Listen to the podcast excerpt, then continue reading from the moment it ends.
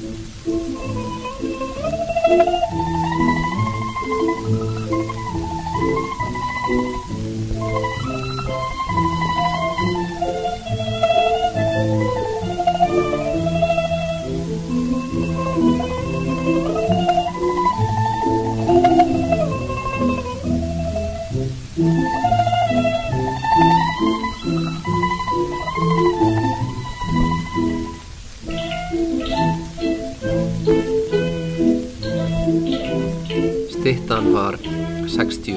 66 cm há, samsett og útskorinn úr kýprus við og síndi heilaðan mann í lótusstellingunni í djúbri hugleðslum.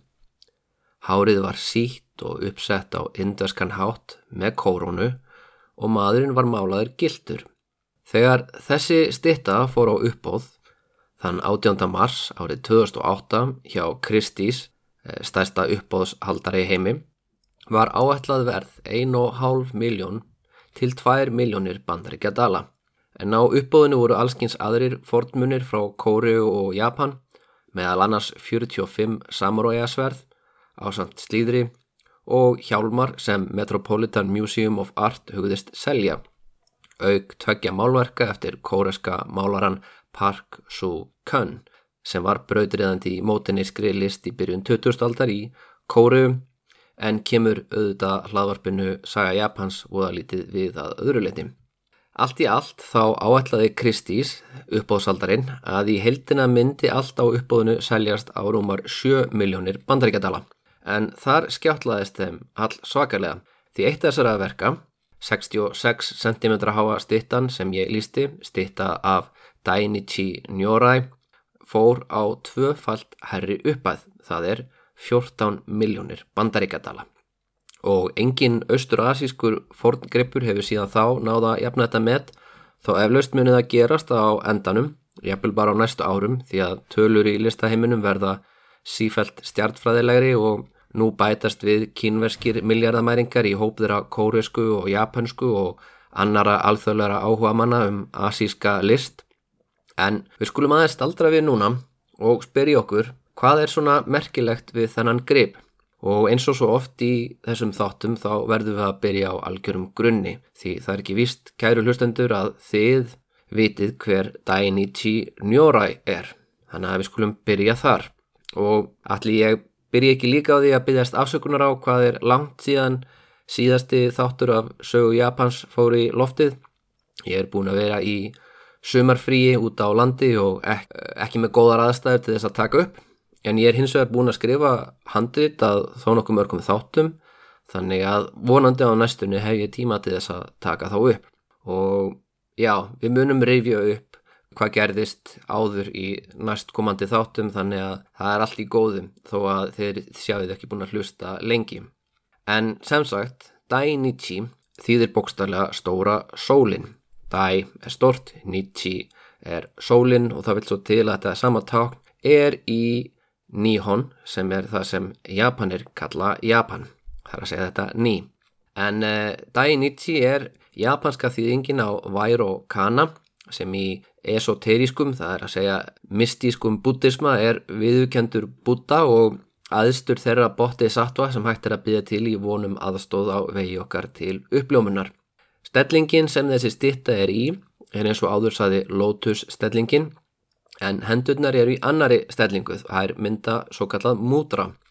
Og það eru til alls konar múdrur með mismunandi merkingar og eftir því hvort að fingur er á lofti eða hendur samankreftar eða lóvar opnir þá getur það sagt þeim sem kann að lesa í táknin mismunandi sögur. En í þessu tilveiki merkir staðan á hendunum hægri hönd samankreft utanum vísi fingur vinstri handar þekking eða viska.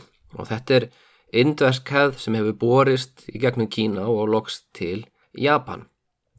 Þetta er auðvitað japansk stitta en hún er einmitt frá tímabilinu sem við erum núna komin á, það er að segja Kamakura tímabilið. Hún var gerð af listamanni sem bar nafnið Unkei og nú kunnið að spyrja hver er þessi Unkei?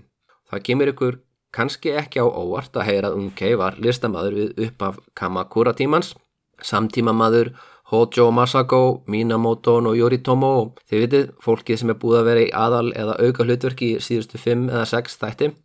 En mér dætti í huga að það væri ágætt að byrja þennan þátt á því að revju upp að í Japan á þeim tíma voru ekki bara samúræðar og ekki bara hirðmenn eða pólitikussar og ekki bara munkar heldur.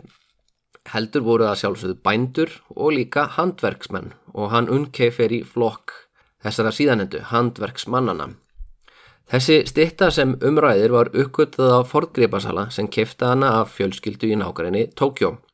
En talið er að svo fjölskylda hafi eignast stittuna á Meiji tímanum þegar yfirvöld ákvöðu að aðgarina þyrti Shinto og Buddhisma og hof þyrti annað hvort að skilgreina sig sem Shinto eða Buddhahof. Og fram til þessa hafi verið alls konar rugglingur og í raun flest hof bæði í senn, Shinto og Buddhisk en hofið sem umræðir þarna ákvaða skilgjarnarski sem Shintohof og losaði sig þar leðandi við öll bútísk líkneski. Og sem betur fer hafði einhverjir áhuga á að eignast stittuna, annars hefði hún endað á einhverjum haugum eða vil verið kveikt í henni eins og var gert mjög mörg bútísk menningavermæti á þessum tíma.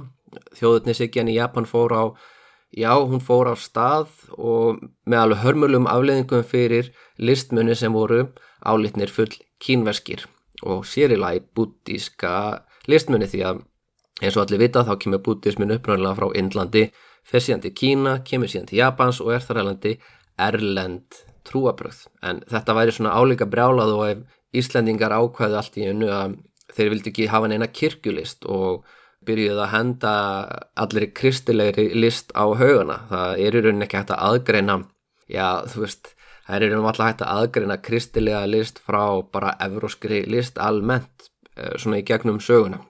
Ekki á þess að, já, eðilegja veruleg verðmætti. En allavega, fjölskyldan sem egnaðist þessa stýttum, hana grunaði ekki að hún var eftir eitt frægasta listamann Kamakura tímans. En þegar Fordgripasalinn tók stýttuna til skoðanar, liti röntgenskan í ljós að stýttan var hólað innan og inni helt þrjá aðra helgimuna. Það er á meðal kristalskúlum ofan á brons Lotus standi. En nú kunnið þið kannski að spyrja hvernig vitum við að þessi stitta er eftir Unkei og hvers vegna er hann svona frægur og hvaðan kom þessi gaur? Ég ætla auðvitað að svara þessum spurningum í þessum þætti.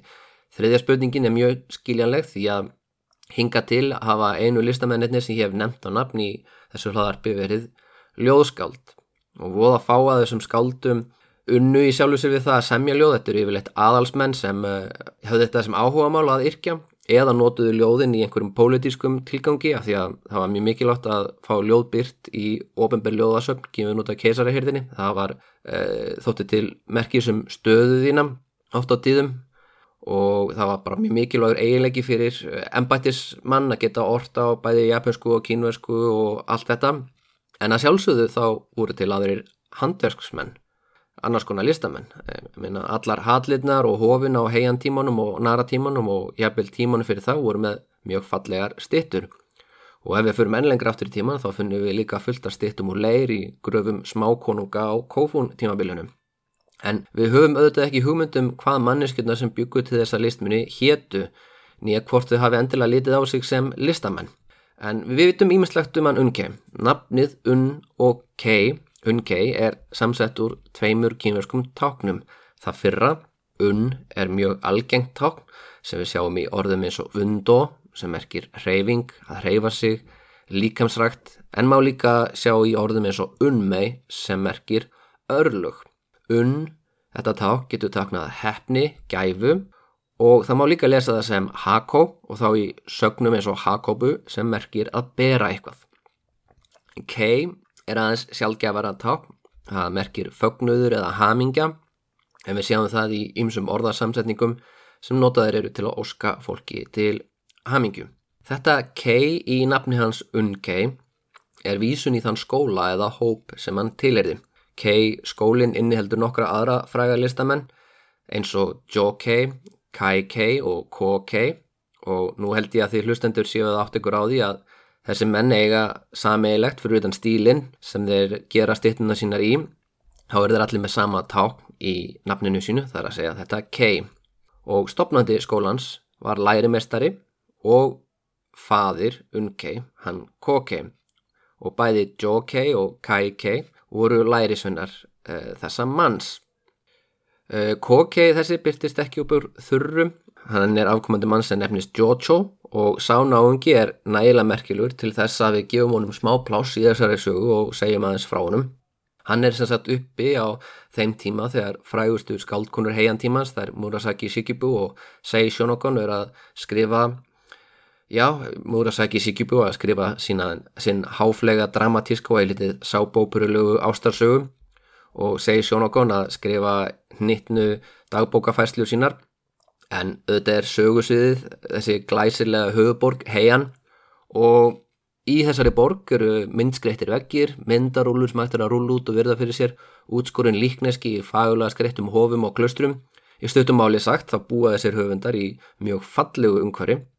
Og aðalsmennist tímar mjög upptegnir af fegurðinni og jafnvel fagurfræðilegu kappleipu við korraðra við eins og ég er búin að nefna áður, ljóð eru hluti af pólitík þess tíma baráttu sem snýst ekki bara um hver yrkir fallegasta ljóði samt, heldur líka hver klæðist fallegasta silkiminstrunu, hver á fallegasta gardin og auðvitað hverjir uh, gefa hofum og klusturum þess tíma fallegustu og merkilegustu listaverkin. Og það er ekki mikið um að listamennir eða handverksmennir sem skapa þessa fegurð í kringum ólíkarkana, ég held að við getum kallaði ólíkarka að þess að móðka neitt. Eh, við vitum og það er lítið um þá hefilegt við vitum ekki hvað er heita í flestum tilökum. En það er einn sem við vitum að og það er þessi Jojo, hann var skjólstaðingur Fujiwara Michinaka sem er sami maður og stutti við skrif Murasaki Shikibu og hafði þessa mína motohermen í þjónustu sinni sem þjóðsugur eru uh, skrifaður um. Og í þessu menningarlega kaldastriði sem var háð millir keisarrein í enna tveggja sem þá voru við hyrðina þá gegnir Jojo stóru hlutverki Hann til dæmis skreitir eitt hof fyrir þennan Fujiwara Michinaka og það hefnaðist svo vel að hann fekk nafnbótina, nú segir hérna bara í íslenski þýðingu, meistari Dharma brúarinnar. En það að hann hafi fengið nafnbóti sjálfur sér fyrir verksitt var nokkuð óvinnulegt. Uh, á þessum tíma var ekki algengt að listamenn sem voru úr lægri stjættum samfélagsins litu svona heiður en Jojo þessi hann er nýtt hegund af listamenni sem hefur eiginlega aldrei áður sérst í japansku samfélagi Um, þar að segja, það er ekki komið fram við hann eins og að sé einhver verkamæður eða yðnaðamæður, heldur er hérna eftirsóttur, hálaunaður listamæður sem er jafnvel ofta á tíðum sett með verkefni sitt og já, hann er sannsagt kannski alveg með réttu, já, sennilega alveg með réttu, þá er hann álítið en einhvers konar snillingur af samtíma mönnum sínum. Og við vitum að þessi Jojo lærði yðin sína við Kofukuji hofið í Nara áður en hann ferði sig til heian og þar fann hann upp nýja tækni. Það er að segja hann breytir uh, hvernig Japanir búa til stittur og þessi nýja tækni heitir Yoseki. Og Yoseki snýstum að í staðis að sker út stittu og skapa listmun úr einum stórum trjábút þá er verkið samsett úr mörgum aðskildum bútum sem smetla saman í nokkus konar púsluspili. Og það sem er svo magnað við þessa aðferð, það sem gerir Jojo að brautriðanda sem græðir rosalega mikið af peningum er svo staðarind að með þessu móti þá getur hann lagt drög aða verki, teiknaða upp, látið síðan læri sveina sín og aðstofamenn sker út útlimina á stittuna í sittkóru lægi og svo á lokastíði verksins þegar stittan er sett saman þá er það hann sem leggur lokahönd á verkið. Þannig að hann í raun og veru skapar listaverk sem getur notað já bara ótrúlega mikið að vinnuafli í staðan fyrir þessi einn maður sem, svit, sem svitnar við það að högva út verk þá eru núna alveg tugur manna að vinna einni stittu og eitt svona yfirmaður, það er þessi Jojo. Hann er, hann er getur við sagt meistari ekki svona ósipað og endurresnar málari eða eitthvað svoleiðis. Þið vitið að kannski að endurresnar málaretnir þeir eru ofta tíðum bara menn sem eh, leggja draugaverki, láta læri sinna sína vinna mestu vinnuna og síðan mæta þeir og pensla smá og skrifa undir. Og þessi Jojo er að gera eitthvað svipað. Elsta verkið eh, sem við höfum frá honum er að vísu ekki alveg á tíma Murasaki Shikibu eða er, eh, það var sett saman nokkrum áratugum eftir andlátt hennar þegar Jojo var orðin gammalt maður. Við vitum að hann gerði fullt af verkum en þetta er bara eitt af þeim fáverkum sem hafa varðveist og Það er stitta af Amida Buddha sem má sjá í Byoto inn hofinu í Kyoto í dag. En það hof var reist af Yorimichi sem var sonur Michinaka. En eftir dauða Jojo þá helt hefðin áfram í gegnum síni hans, badnabötn og aðra lærisvinna þar til cirka 100 árum síðar Kokei kom til sögunar. Og ef að Jojo var brautriðandi í aðferðafræði, þar að segja hvernig Japani fór að því að búa til stittur og setja það saman. Það var Kokei brautriðandi í fagufræði, því hann beitir sömu Joseki aðferðið samsetningu á stittunum, en ólíkt stittunum sem að forverðans Jojo setti saman, þá eru stittundan hans Kokei raunsæri. Það eru fleiri smáatriði, það er jafnvel hægt að greina hárin í, á höfði stittana en að öðru leiti þá fylgir Kokei sömu heian formúlunni og það er ekki fyrir en það kemur að læri sinnum hans, Jokei og Kaikei og svo lags Unkei sem að Kei skólinn fer á flug og öðlast svona sína eigin fagufræði. En uh, hvað er það sem gerir það verkum að Kei skólinn blómstra svona við uppaf Kamakura tímans? Það hefur minna að gera með það hvernig Kamakura tíman viljið byrjar og meira að gera með það hvernig heian tímanum líkur. Sankvæmt einbúanum Kamono Chome sem fekk nú sinn eigin þátt fyrir stuttu síðan. Þetta var munkur sem var vitnaða stríðs átökunum millir Minamoto og Taira fylkingana. Hann sá höfuborgina brenna bókstala og upplifði storma, jarskjálta, blóðugar orustur og hann skrifar að í hungusneðinu þá brauð fólk búta líkneski og aðra helgimunni í hófunum í kringum höfuborgina og notaði rauðurlakkaðar og gildar spíturnar sem eldi við. Og svo má heldur ekki gleyma því að ekki bara bara hann höfuborgin Heian heldur þá bara hann líka borgin Nara sem var gamla höfuborgin og þar voru flest stærstu hóf Japans enþá staðsett. Þetta brann til grunna eftir að hersuðingjú tæraættinni átti það leið hjá. Og voru þeim tíma þetta voru álitna mestu hörmungar bara í sögu landsins því þetta voru jú allra helgustu staðir Japans. En það þarf að endur þess að þetta. Og þegar það er verið að endur þessu öll þessu hóf þá skapast rosalega mikið af störfum fyrir handverksmenn sem fá, jú, í raun og veru að móta nýja fagufræði af því að þeim vantar einfalla fyrirmyndirnar. Fyrsta stittan sem við vitum að unnkei bjóð til, hún er reyndar frá því fimm árum áður en borgarastriði brist út. Á þeim tíma er Yori Tomo bara ungum aður í útlegð, Hojo Masako er lítið barn og hinn hugdjarfi Yoshitsune er lærlingur í afskektu hofi Árið 1175, Tæran og Kiyomori er að stýra landinu í nafni Kesarans og Unke er þessi ungi högmyndamistari sem er fenginn til þess að högg út hvað? Jú, Dainichi Nyorai og þetta er að vísu ekki stittan sem ég líst í byrjun þáttar en hún er eiginlega alveg eins. Allavega ekki svo ólík. Stittan er samsett úr mismunandi viðarbútum, hún er lökkuð og með gillingu og stellingin er svo sama. Dainichi situr í lótusstellingu með hárið sitt að indverskum sið með kórun og höfði, vinstri höndin er kreft og beinir vísifingri upp og hægri höndin heldur utanum vísifingurinn. Sann sagt, þetta er mútrastellingin sem táknar þekkingu eða visku. Og þessi búta hann setur í opnu lótusblómi, hann er í djúbri hugleðslu og í kringum höfuðans er ringlaða geslabaugur sem minnir á rýsandi sól og svo er annar stærri baugur fyrir aftan baki hans sem sínir okkur að Dainichi lýsi sjálfur líkt og sólinn hann er bókstaflega upp ljómaður. Undir standinu sem þessi stitta kvílir á má svo finna skrifað með sörtu bleki.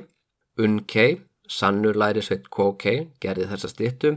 Hann hófi vinnu að henni á 24. degi 11. mánadar á fyrsta ári Angen og lauk henni á 19. degi 10. mánadar á öðru ári Angen. Fyrir það fekk hann greitt 43 stranga af Hachijo Jima Silki.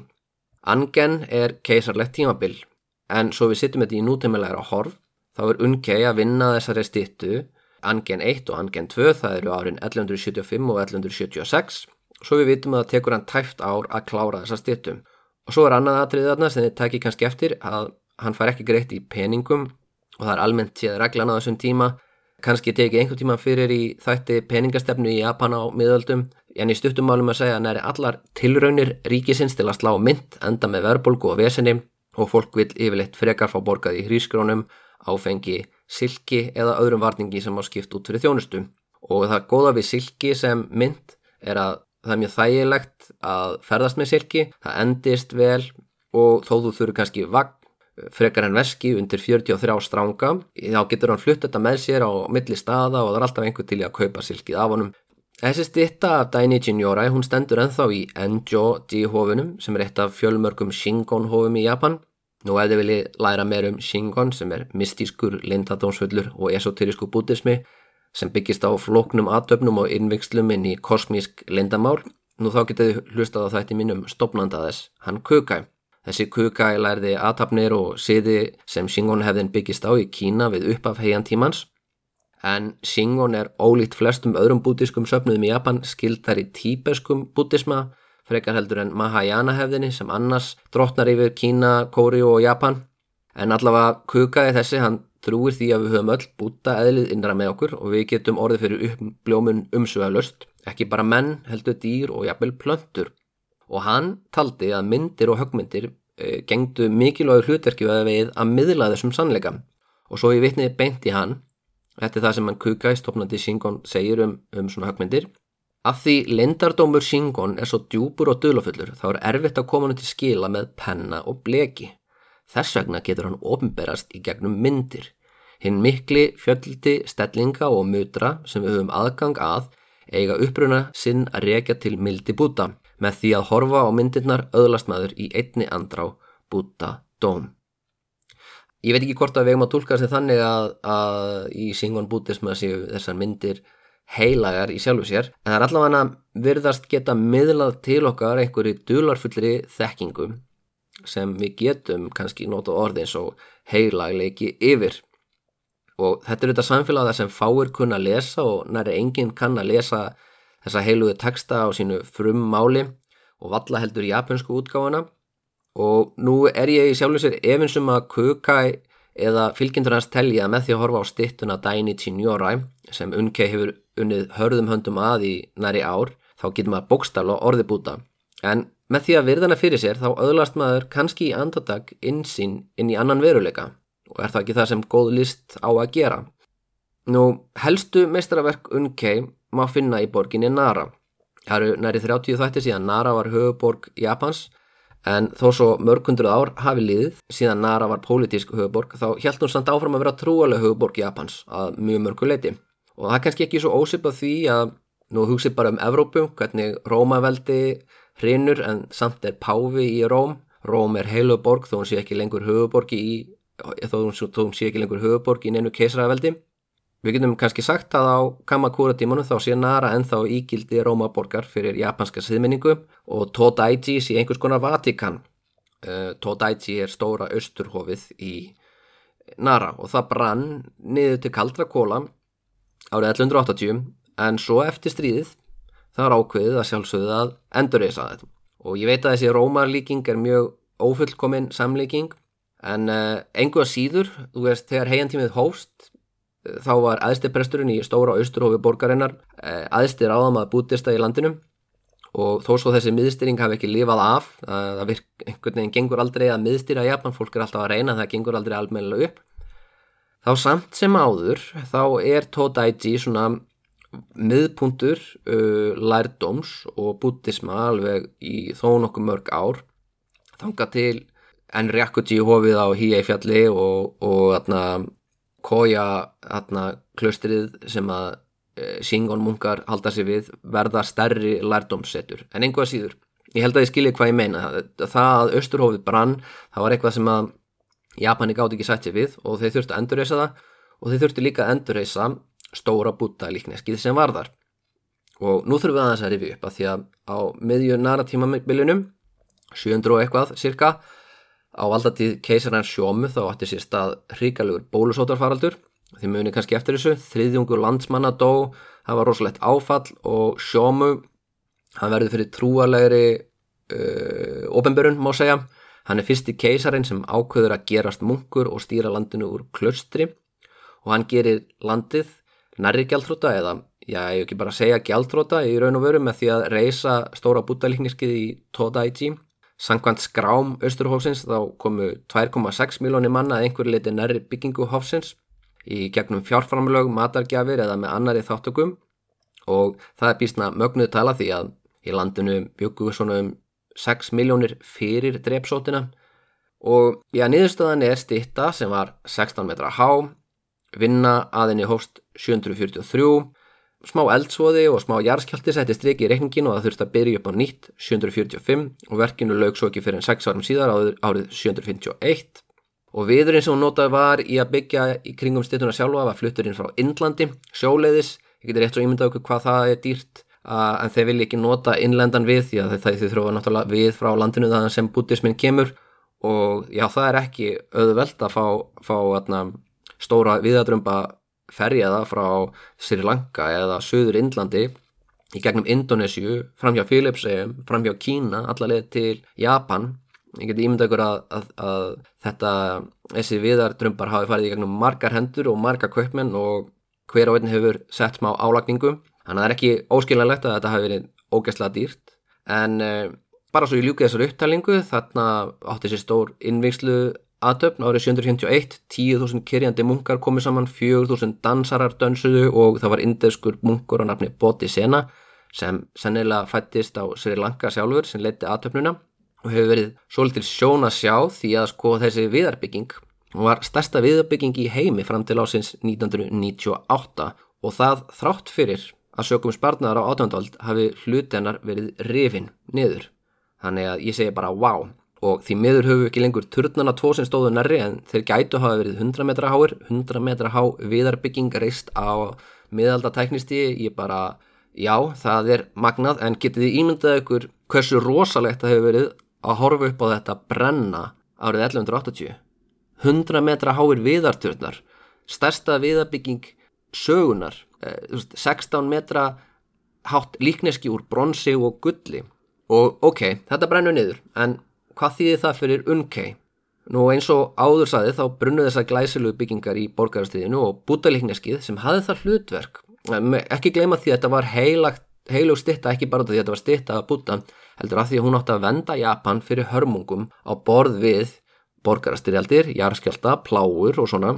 Þessi keisari sem lætu reysa þetta, hann trúir því að með því að reysa þetta bútalíkneski þá mun hann koma í veg fyrir aðra bólusóttar faraldra og því miður þá virkar það ekki það var ekki búið að finna upp bólusetninguna á þessum tíma, það er kannski verið betra að bólusetja fólk en allt er læg þrátt fyrir að hafa byggt þetta stóra bútalíkneski þá, þá, þá eru bólusótarfaraldrir eh, eitthvað sem gerist hverja einustu kynaslóð en á þessum tíma, upp af Kamakura tímans þá er komið nýr vendari hjá Japan. Það er ekki keisari heldur sjókunin Yoritomo og titillans segi í Tai Shokun það vísa til þess að hann sé vendari keisaradæmisins gegn villimönum en Yoritomo hann vil sína að hann sé sterkir maðurinn sem vendar Japan á allan mögulega vegum, ekki bara gegn villimönnum, það eru heldur engin villimenn, það er búið að reyka á alla burt úr landinu eða þeir hafa aðalagast þessu landbúnaðar samfélagi sem er búið að taka yfir Norður Japan, en hann ákveður sér þetta, endur er þetta vendarták og þarna kemur Kei skólinn stert inn,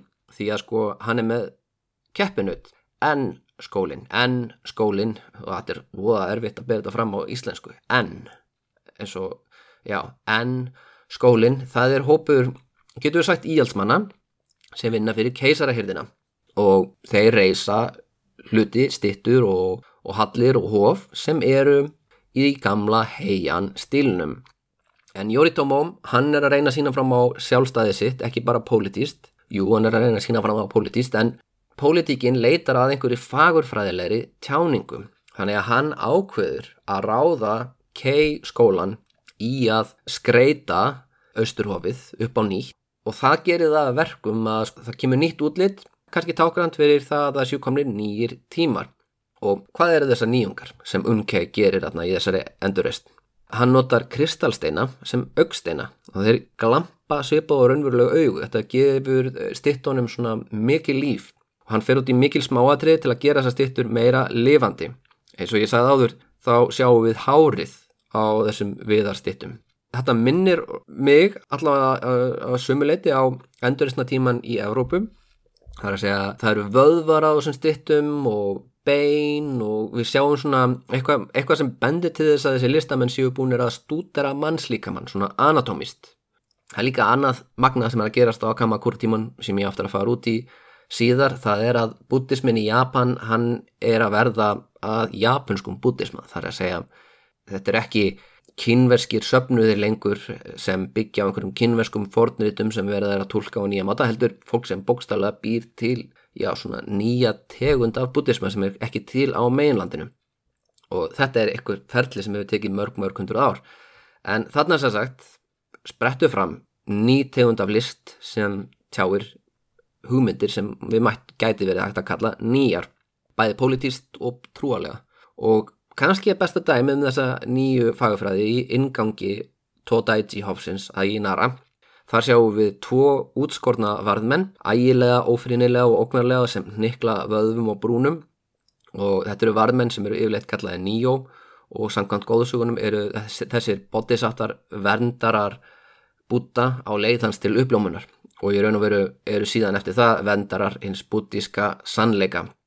Þessir ægilegu stríðismenn sem standa þarna núna í, í ingangi Todaichi, þeir voru ekki reistir þarna á naratímanum, þeir koma þarna á Kamakura tímanum og þeir marka nýja tíma því að þeir eru ekki bara ótrúlega raunsægir, þetta eru líka stríðismenn og höfum í huga það eru samuræjar sem eru að borga fyrir þessa endurreist úr búr sínum eigin vasa, það er ekki keisarheirin, það er ekki einhver ljóðskáld eða fræðimenn, heldur stríðismenn og það fyrsta sem við sjáum þegar við göngum inn í nýja hófið, nýja gamla hófið, eru ægilegar og ófrínilegar verur sem eru verndarar bútismans, það er að segja að það er verið upphefja stríðismannin þarna, við ingang hofsins. Nú, helsta meistaraverk unge er þó sannilega stittans af helgimannunum Muchaku. Í þeirri stittu sáum við aldraðan mann, kristallarnir í augunum glampa, undir þeim eru bögar, hrukkur á andlitunum og yfir grönnum búknum er kuppl með fellingum og brotum og hún er gerð einhvern tíminni kringum aldamótin 1200 sem var hábúndur á ferli unke. Þá klárar hann ótalmörg verkefni í Nara og færir síðan verkstæði sitt til Kyoto, sennilega af því að meirluti lagfaring og enduristnastarfs í Nara er lokið og hann hefur meira gerin á óðalsetturum aðalsmanna í höfuborginni en hann á þó eftir að ferðast nokkurn sinnum norðu til Kamakura til að vinna verkefni fyrir valda mikla samuræja þar en því miður þá hefur ekki varðist mikið að verkum hans fyrir aðalsmenn og samuræja þar því miður eila einungis verkin sem er í hófum og klausturum sem að hefur varðveist. Ekki að ég halda að ungi hafi neitt sérstaklega á móti því því að hann er bersýnilega mjög trúaði maður. Hann tekur sér með þessi að tíma á ferli sínum til að skrifa upp alla Lotus-útrúna í, í heilsinni, nokkuð sem kostar hann mikla þrautsegju, tíma og peninga. En nú ætla ég yfir í aðra sálma, eða ætti ég að segja yfir í aðra sútru. Nú eins og ég sagði frá áðan þá enduristi sjókunin Yoritomo búta líkniskið í Todaiji 1195. Þetta gerir hann til að undistrykka hann en ekki keisarin sé hinn raunverulegi og sanni vendari Japans og ef út í það er farið þá er Jóri Tómas sennilega eini maðurinn á þessum tímapunkti sem er með nægilegt fjármagn til að borga fyrir þessar ótrúlega dýru viðgerðir. En það breyti því ekki að hann gerir það og fyrir vikið þá vinnur hann stóran sigur í áróðustriði sínu við keisarahyrðina. Hann er þarna í raun búin að stipla sinn sem vendar í Japans í augum allara þeirra sem eru virkilega trúaðir í augum bútistana sem reka hóf og klaustur út um allt land. Og núna er Jóri Tóma með nánast allt í hendi sér. Fylgismennans stýra helmingnum á öllu landi í Japan, hann drotnar sjálfur yfir norð-östulutunum og getur skipa menn í embættu og falið þeim á úrskurða í málum og sapna sköttum og keisarinn sjálfur er búin að viðurkenna þann rétt með því að veita Yoritomo formlega titilinn sjókun. Og svo auðvitað er hann búin að endur þess á hofin í Nara og er þann með búin að vinna stóran svona sigur í áróðurstríðinu. En hún vantar eitt, hún vantar góðan eigimann handa dóttur sinni Ohime og í þætti mínum um Jiso hefðinni þá saði ég frá hjónabandi Ohime með dreng sem nendist Yoshitaka uh, hann Yoritomo þurfti að tryggja bandala millir sín og annars frænda úr mínamóta ættinni og það endaði því að þeir trúlofuðu börn sín eins og maður gerir. Ohime var þá 6 ára og Yoshitaka 11 þegar nokkus konar giftingaratöp fór fram í höll Yoritomo í miðju borgarastriðinu en svo breytist staðan eins og gerist. Yoritomo fyrir stríð við frænda sinn, segrar og hefur þá engin nót fyrir drengin og lætu takana lífi. En svo ákvörðun reyndist að var mjög traumatísk áhrif á greið Óhime. Hún og Yoshitaka voru auðvitað engin hjón í vennilegum skilningi á því orði. Óhime var bara 7 ára gummul og Yoshitaka var bara 12 ára. Svo þau voru ekki bara börn í nútímælium skilningi, heldur líka í þeim skilningi sem að fólk á Kamakura tímanum skildi það. Þau voru ekki fullornar manneskjur í augum fólks á þessum tíma.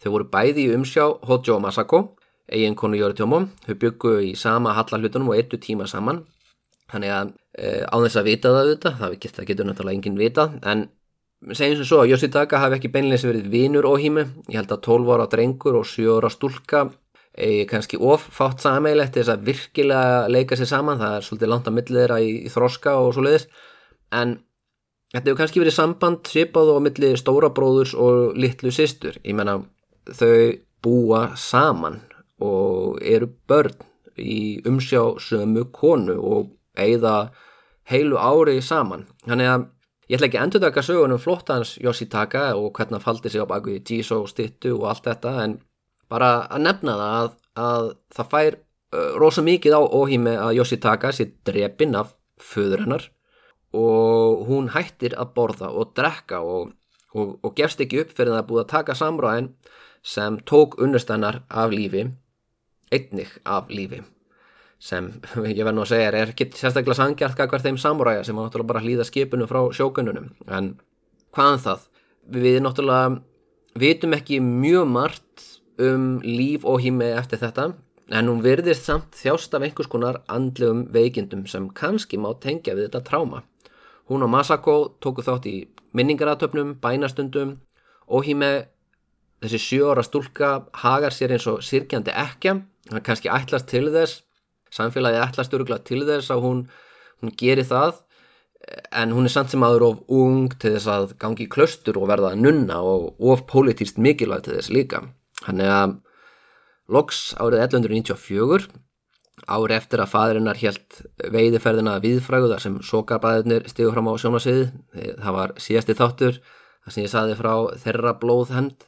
En ári eftir þessa veiðiferð, þar sem uh, fadrinnar er að atna, kynna eldri bróðurinnar fyrir uh, helstu, svona, helstu samuröðum landsins, þá fer hann að leita að einhverjum góðum eigimanni handa stúlku sem er nú komin á úlingsaldur og Hann finnur til einn frænda hennar, Ichijo Takayoshi, eh, sem er að vísu ekki samurai, heldur að mjög gufugu blóði því langa við þessa drengs var úr megin línu Fujiwara ættir hennar og hafði kengt stöðu fjármálar á þeirra.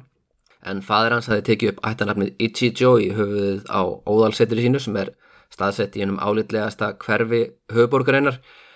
Já, þetta er svona svona, ef við förum út eða þannig, þá var það svipað eins og eh, ég myndi kaupa ógísla dýrt hús á Arnanesinu og ég myndi eftir það kalla mig Snæbjörn Arnanes eða eitthvað álíka eh, eitthvað svona til að industryka ég búi nú ekki í Grafói eða einhverju skítapleysi en allavega Ichijo eh, er ættanafnið sem eh, á bara að segja ykkur að þið búi í rosalega fínum og flottum stað. Og Ichijo Yoshiyasu er hátt settur aðalsmaður við herðina sem var giftur alsistur Yoritomo og þau egnast Takayoshi, þannig að þetta er enn einn frændin, þetta er að hún er alltaf verið að trúla hana með frændsískinum sínum en uh, Ichijo Takayoshi, hann er 18 ára sendur frá keisaraðhyrðinni við Kyoto til Kamakura sem einhvers konar ofnber erindriki þetta er í rauninu og veru einhvers konar maður má eiginlega segja sko, að samskipti keisarahyrðarinnar og sjókunadæmisins í Kamakura, þau minna svolítið á milliríkja samskipti en þessi Ichijo Takayoshi sem frændi Yoritomo og sama tíma aðalsmaður úr gamalli ætt það gerir hann eiginlega svona fullkomin í einhvers konar mann sem á að fara þarna og kannski ekki standi í samninga við það en hann er þarna til þess að uh, tryggja að svona samskipti síu einhver síður nokkuð góð. Þetta er svona vináttu heimsók og Jóri Tómónu líst vel á hann að náunga og hugsa með sér væri þetta ekki bara mjög góður kostur fyrir dóttu mína? Því að gifta þau þá styrkir sjókunadæmið e, sambandsitt við keisarahyrðina. Því að það er alveg garantera að þessi ungi maður hann á eftir að ná langt innan keisarahyrðarinnar í gegnum ættartengst sín og hann er diggur stuðningsmaður sjókunsins hann að hann mun tala fyrir því að keisarahyrðin haldi friðin og leifi sjókuninum að stýra landinu í friðin og hann er líka álitlegur eiginmaður fyrir óhými í öðrum skilningi þar að segja hún er 17 ára og hann er 18 ára. Þannig að Þannig að það er ekki eins og hann sé að tróða óhímið upp á einhvern náttúrulega 50-an aðalsmann eða 70-an fyrrum keisara eða eitthvað álíka. En þráttir í það þá er dóttir hans mjög ósamála og hún segir að ef hún væri nitt til þess að gifta þessum dreng þá minn hún finna dýpsta fljótið í nákvæmni Kamakura og drekja sér. Og lengra hann er það ekki, Jóri Tómo, hann er bísna brútal náðungi, hann hefur drepið marga ættingja, hann hefur tekið tvo yngri bræðu sína af lífi og Hann hefur ekki hika við það að e, slátara öllum drengjum af ákveðnum ættalínum til að tryggja það að þessar ættalínur degi út. Hann, e, já, við kynum sagt að hann sé mjög grimmur maður í mörgum skilningi en hann segið við dóttið sína nú, ok, þú vilt þetta ekki giftast honum alltaf læða sem segir okkur það að hún atna, hún Ohime hún, hún meinar það þegar hún segist ekki ætla að borða neitt eða drekka neitt framar eða stökku hún í fljót. Allavega sjókunin hann ætla ekki að taka hennar slag í þessu sinni. Og það líður ár Ohime er orðin 18 ára og nú fer fólk að svona pínu lítið verða óþúlunum átt því að 18 ára stúlka, hún bara röldum ógift þetta, að, ég veit ennum ekki alveg hvort að það sé góð hugmynd sko. Og þetta fyrir að valda móðurinnar áhugjum og hún fær þá nokkuð sem hún tilur skotelda hugmynd nokkuð sem Óhíme getur ómögulega satt nefið hún leggur til við eiginmann sinn að þau gifti Óhíme inn í keisaraættina. Og þetta líst hún Mjóritómo opbórslega vel á því að það er fátt raugrættar en að valdamesti maður Japans gifti dóttur sína inn í keisarafjölkytuna því að þannig verður dóttur hans að keisara innju og eignast batnabatt sem síðar getur orðið keisari og er það ekki bara þannig það sem allar valdaættir í Japan hafa gert í gegnum tíðina?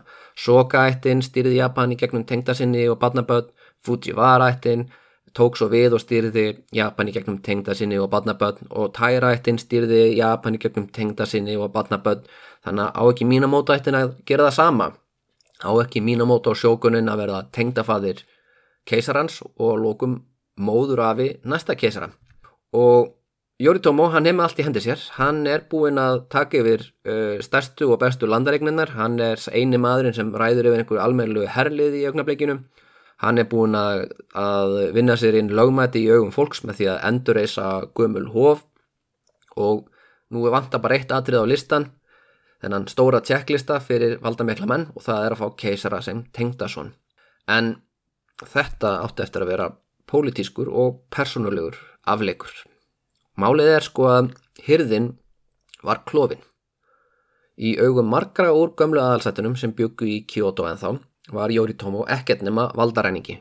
Hann var maður sem hafi sagst berjast í nafni keisarans til að endur þessa völd keisarans en svo þegar hann hafi unni stríðið skilaði hann ekki völdunum sem hann hafi tekið sér heldur held hann bara áfram að stýra landinu en saðist vera að gera það í nafni keisarans þó svo keisarinn var í löngum hún að segja að þetta var í hans óþökk og það er ekki fyrrun gamli keisarinn deyr og það tekur við eitthvað unga bann sem að hann atna, með hjálp frá einhverjum samstarfsmönnum fær keisaran til að útnæmla sig sjókan.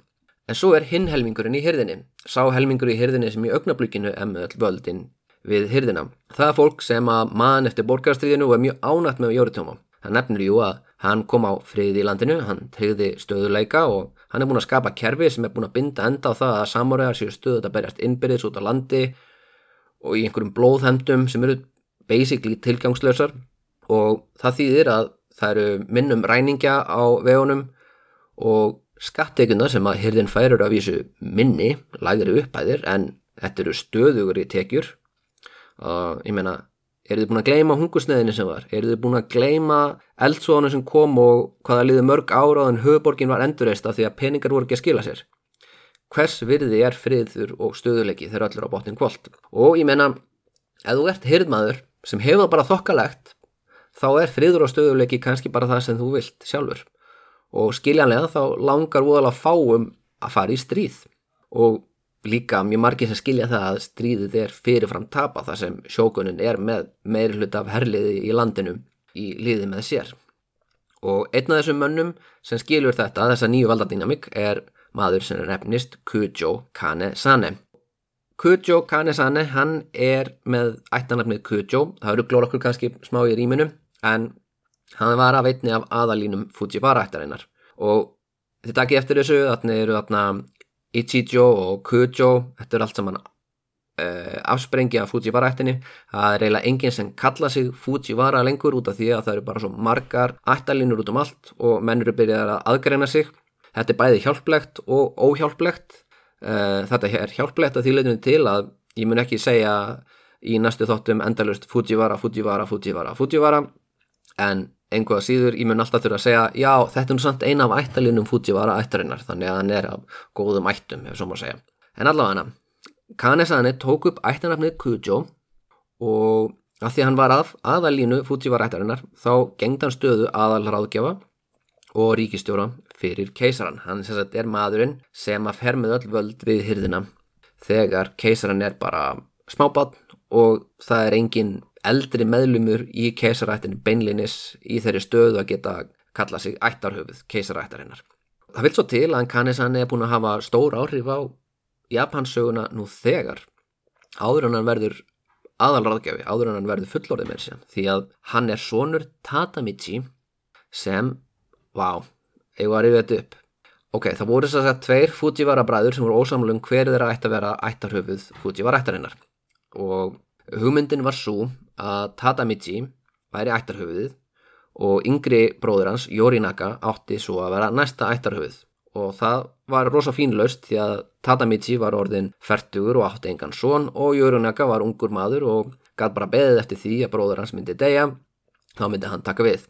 En svo egnast Tatamichi son og það er þessi Kujo Kane Sane. Og það gerði það verkum að hann Yorinaka, hann fer og hann tala við bitran fyrrum keisara sem nefnist Sutoku og segir hei, á ég ekki að finna einhverja samuræða sem geta barist fyrir þig og, og hraki burtu hérna fjölskyldu meðlimiðina og þú getur svo útnefnt mig sem þinn aðal ráðgjafa og sagt að ég, ég var ættar við Fuji var ættarinnar og Sutoku segir ok og þeir kall til e, stríðsmenn úr Minamoto og tærættinni og já, restin er eitthvað sem ég er búin að segja frá í síðustu þáttum þar að segja að það fer allt til fjandans og samuræðinir taka pólitísk völd og þeir skila þeim ekkit aftur. En hvað um það? Tatamichi og Yorinaka eru lungu döðir en Kujo Kanesane, hann lifir áfram og hann er bandamaður Yoritomo Eh, hann er maðurinn sem gerir það verkum að Yoritomo er formlega síðan sjókun af því það er hann sem sannfærir keisarahýrðinu um að þetta sé löstin. Útnefni þennan mann sem sjókun, Yoritomo mun svo tryggja friðin. En uh, Kujo Kanesanan, hann er mikilvæg bandamaður fyrir, fyrir Yoritomo en það er að fara að breytast út af því að dóttur hans Kujo var nú þegar gift keisaranum. Og að sjálfsögðu var hún það. Keisarinn hefur alltaf verið giftur dóttur aðal ráðgjafans og svo dóttur hefur alltaf verið keisareinja, þið muni hvernig þetta er búið að vera allan heiantíma, það er alltaf einhver Fujiwara sem er aðalar ráðgjafi, dóttir hans gift keisaranum og keisarinn er ekki giftur dóttur einhvers sjókuns, ég meina sjókunar eru yfirleitt svona samuræðir og, og það er nú ekki beint fín papir eða hvað. En núna, sem sagt, vill uh, hann Yoritomo að Ohime sé gerð keisareinja, það er ekki nógun verði ein af hjákonum keisarans og Toba og Hojo Masako hún mætir ásand eiginmanni sínum og og dóttur sinni og hún byrjir að semja við keisarættina og ræða við meðlimi úr Fujiwara-ættinni en þau rekast á vegg. Fásvarið, nei.